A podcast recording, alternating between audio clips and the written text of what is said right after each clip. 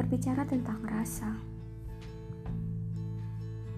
Kadang ia menyakitkan, dan kadang ia menyenangkan.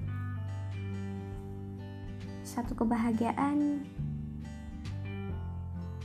jika rasa itu terbalaskan, dan satu kekecewaan jika rasa itu diabaikan.